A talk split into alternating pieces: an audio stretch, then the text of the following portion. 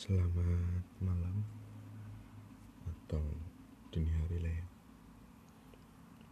Saya baru sampai mungkin setengah jam yang lalu dari Jakarta. Ini sudah di rumah dan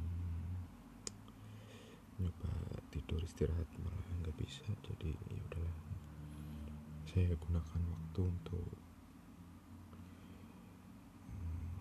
bikin episode 3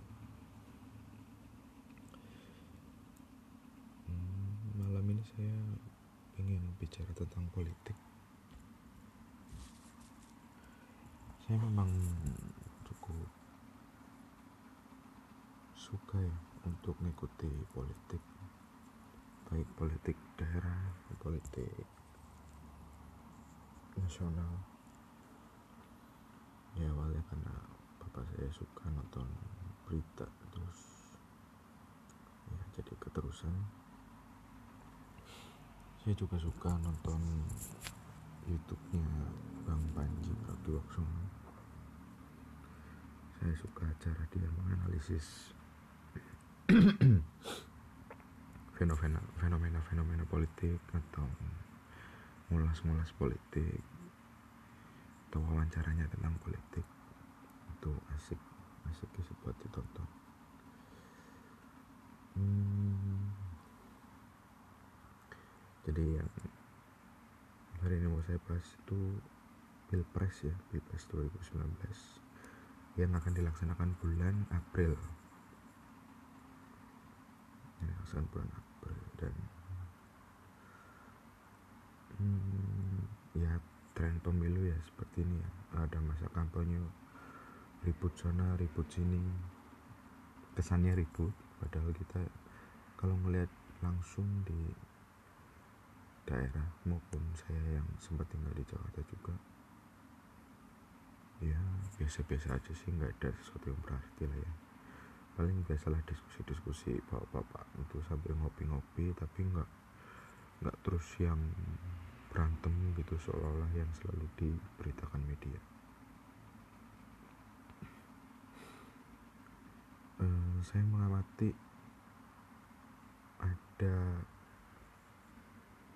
perubahan yang signifikan dari konsep kepala daerah. Hmm, mungkin semenjak saya nggak tahu sih apakah karena medianya. Karena medianya yang sekarang maju bebas memblow up atau memang karena eh, cara pandang kepala daerah sekarang berbeda. Yang jelas yang saya rasakan itu dulu sosok figur itu sangat kental untuk kepala daerah. Sehingga kalau lihat figurnya itu seperti apa dulu jika cocok uh, terkenal di masyarakat dikagumi dihormati nah itu cocok sebagai kepala daerah sehingga dicalonkan. Ya kalau sekarang saya lihat kepala daerah itu sebagian besar ya belum semua sih. Besar tuh dilihat program apa yang dia bawa. Program apa yang dia bawa inovasi apa yang dia bawa perbaikan apa yang dijanjikan. Dan saya pertama kali lihat itu ketika Pak Jokowi memindahkan eh, PKL ya, di Solo. Lalu maju ke hmm, oh mobil SMK dulu. Konsep dia mem memakai mobil SMK lalu pindah untuk maju gubernur Jakarta. Ada kampung deret ada apa lagi hmm, busway yang waktu itu pencegahan banjir. Ini beberapa lah gagasan-gagasan yang menarik sehingga menurut saya itu titik di mana tren kepala daerah berubah. Dari yang tadinya mencari figur jadi mencari gagasan. Nah hmm, saya agak sedikit flashback ke 2014 walaupun saya sebenarnya saat itu sudah kuliah tapi nggak begitu dalam ya. Dan saat itu saya pendukung Prabowo Bapak Prabowo karena saya uh, suka dengan figur-figur TNI dan saya sering dengar juga kalau di TNI itu sistem pengadilannya sangat baik. Seperti orang TNI itu sudah sangat disiapkan untuk jadi calon pemimpin baik pemimpin di TNI maupun pemimpin di masyarakat.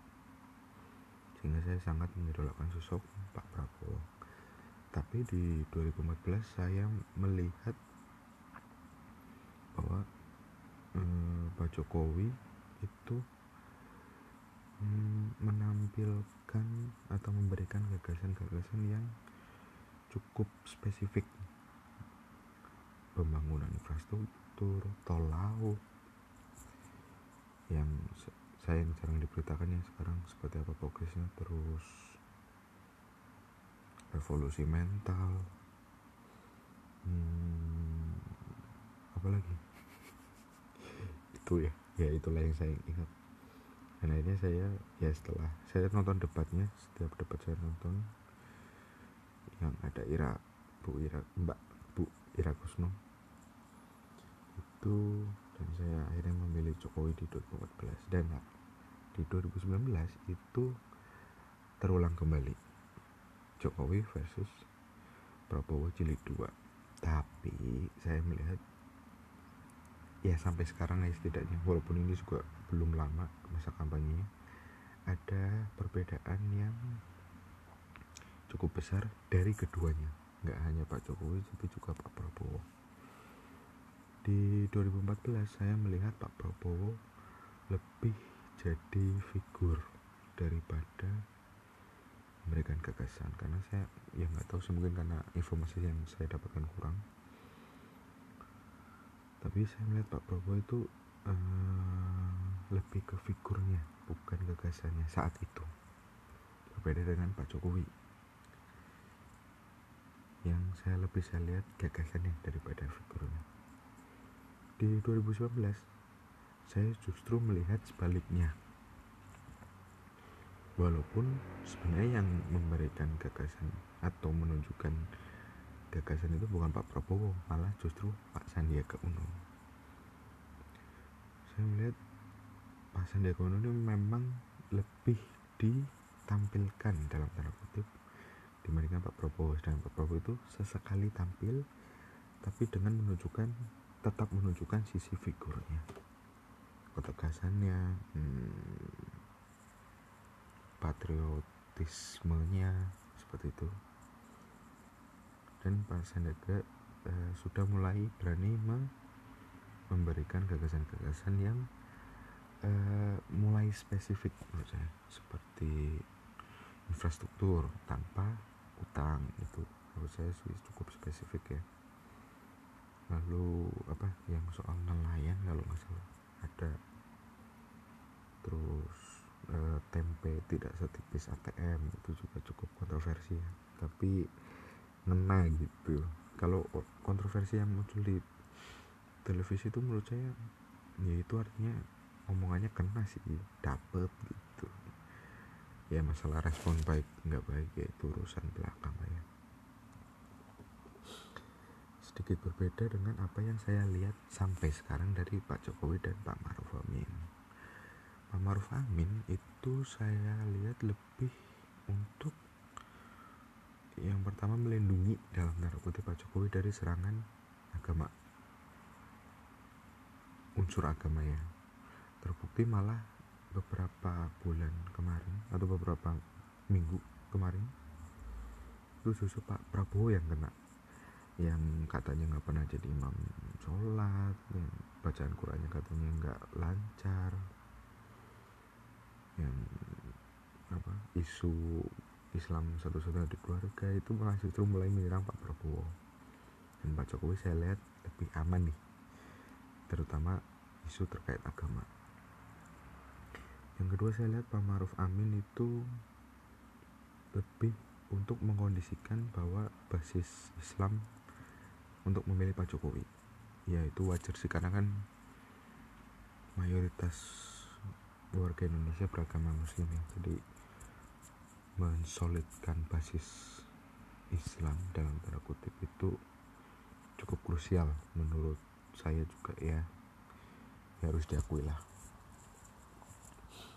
Dan saya kurang mengikuti di luar debat ya di 2014 tapi saya lihat di 2019 ini Pak Jokowi sedikit lebih berani menyerang kubu sebelah. Sedikit lebih berani menyerang yang hmm, Pak Prabowo sempat mengisukan Indonesia bubar tahun berapa itu terus apa 99% rakyat hidup susah. Terus Pak Jokowi mengotor bahwa itu sebuah uh, pesan yang negatif ke apa menakut-nakuti rakyat. Terus ada juga yang bilang soal uh, politik genderuwo walaupun nggak secara eksplisit bilang kalau itu untuk ke timnya Pak Prabowo ya.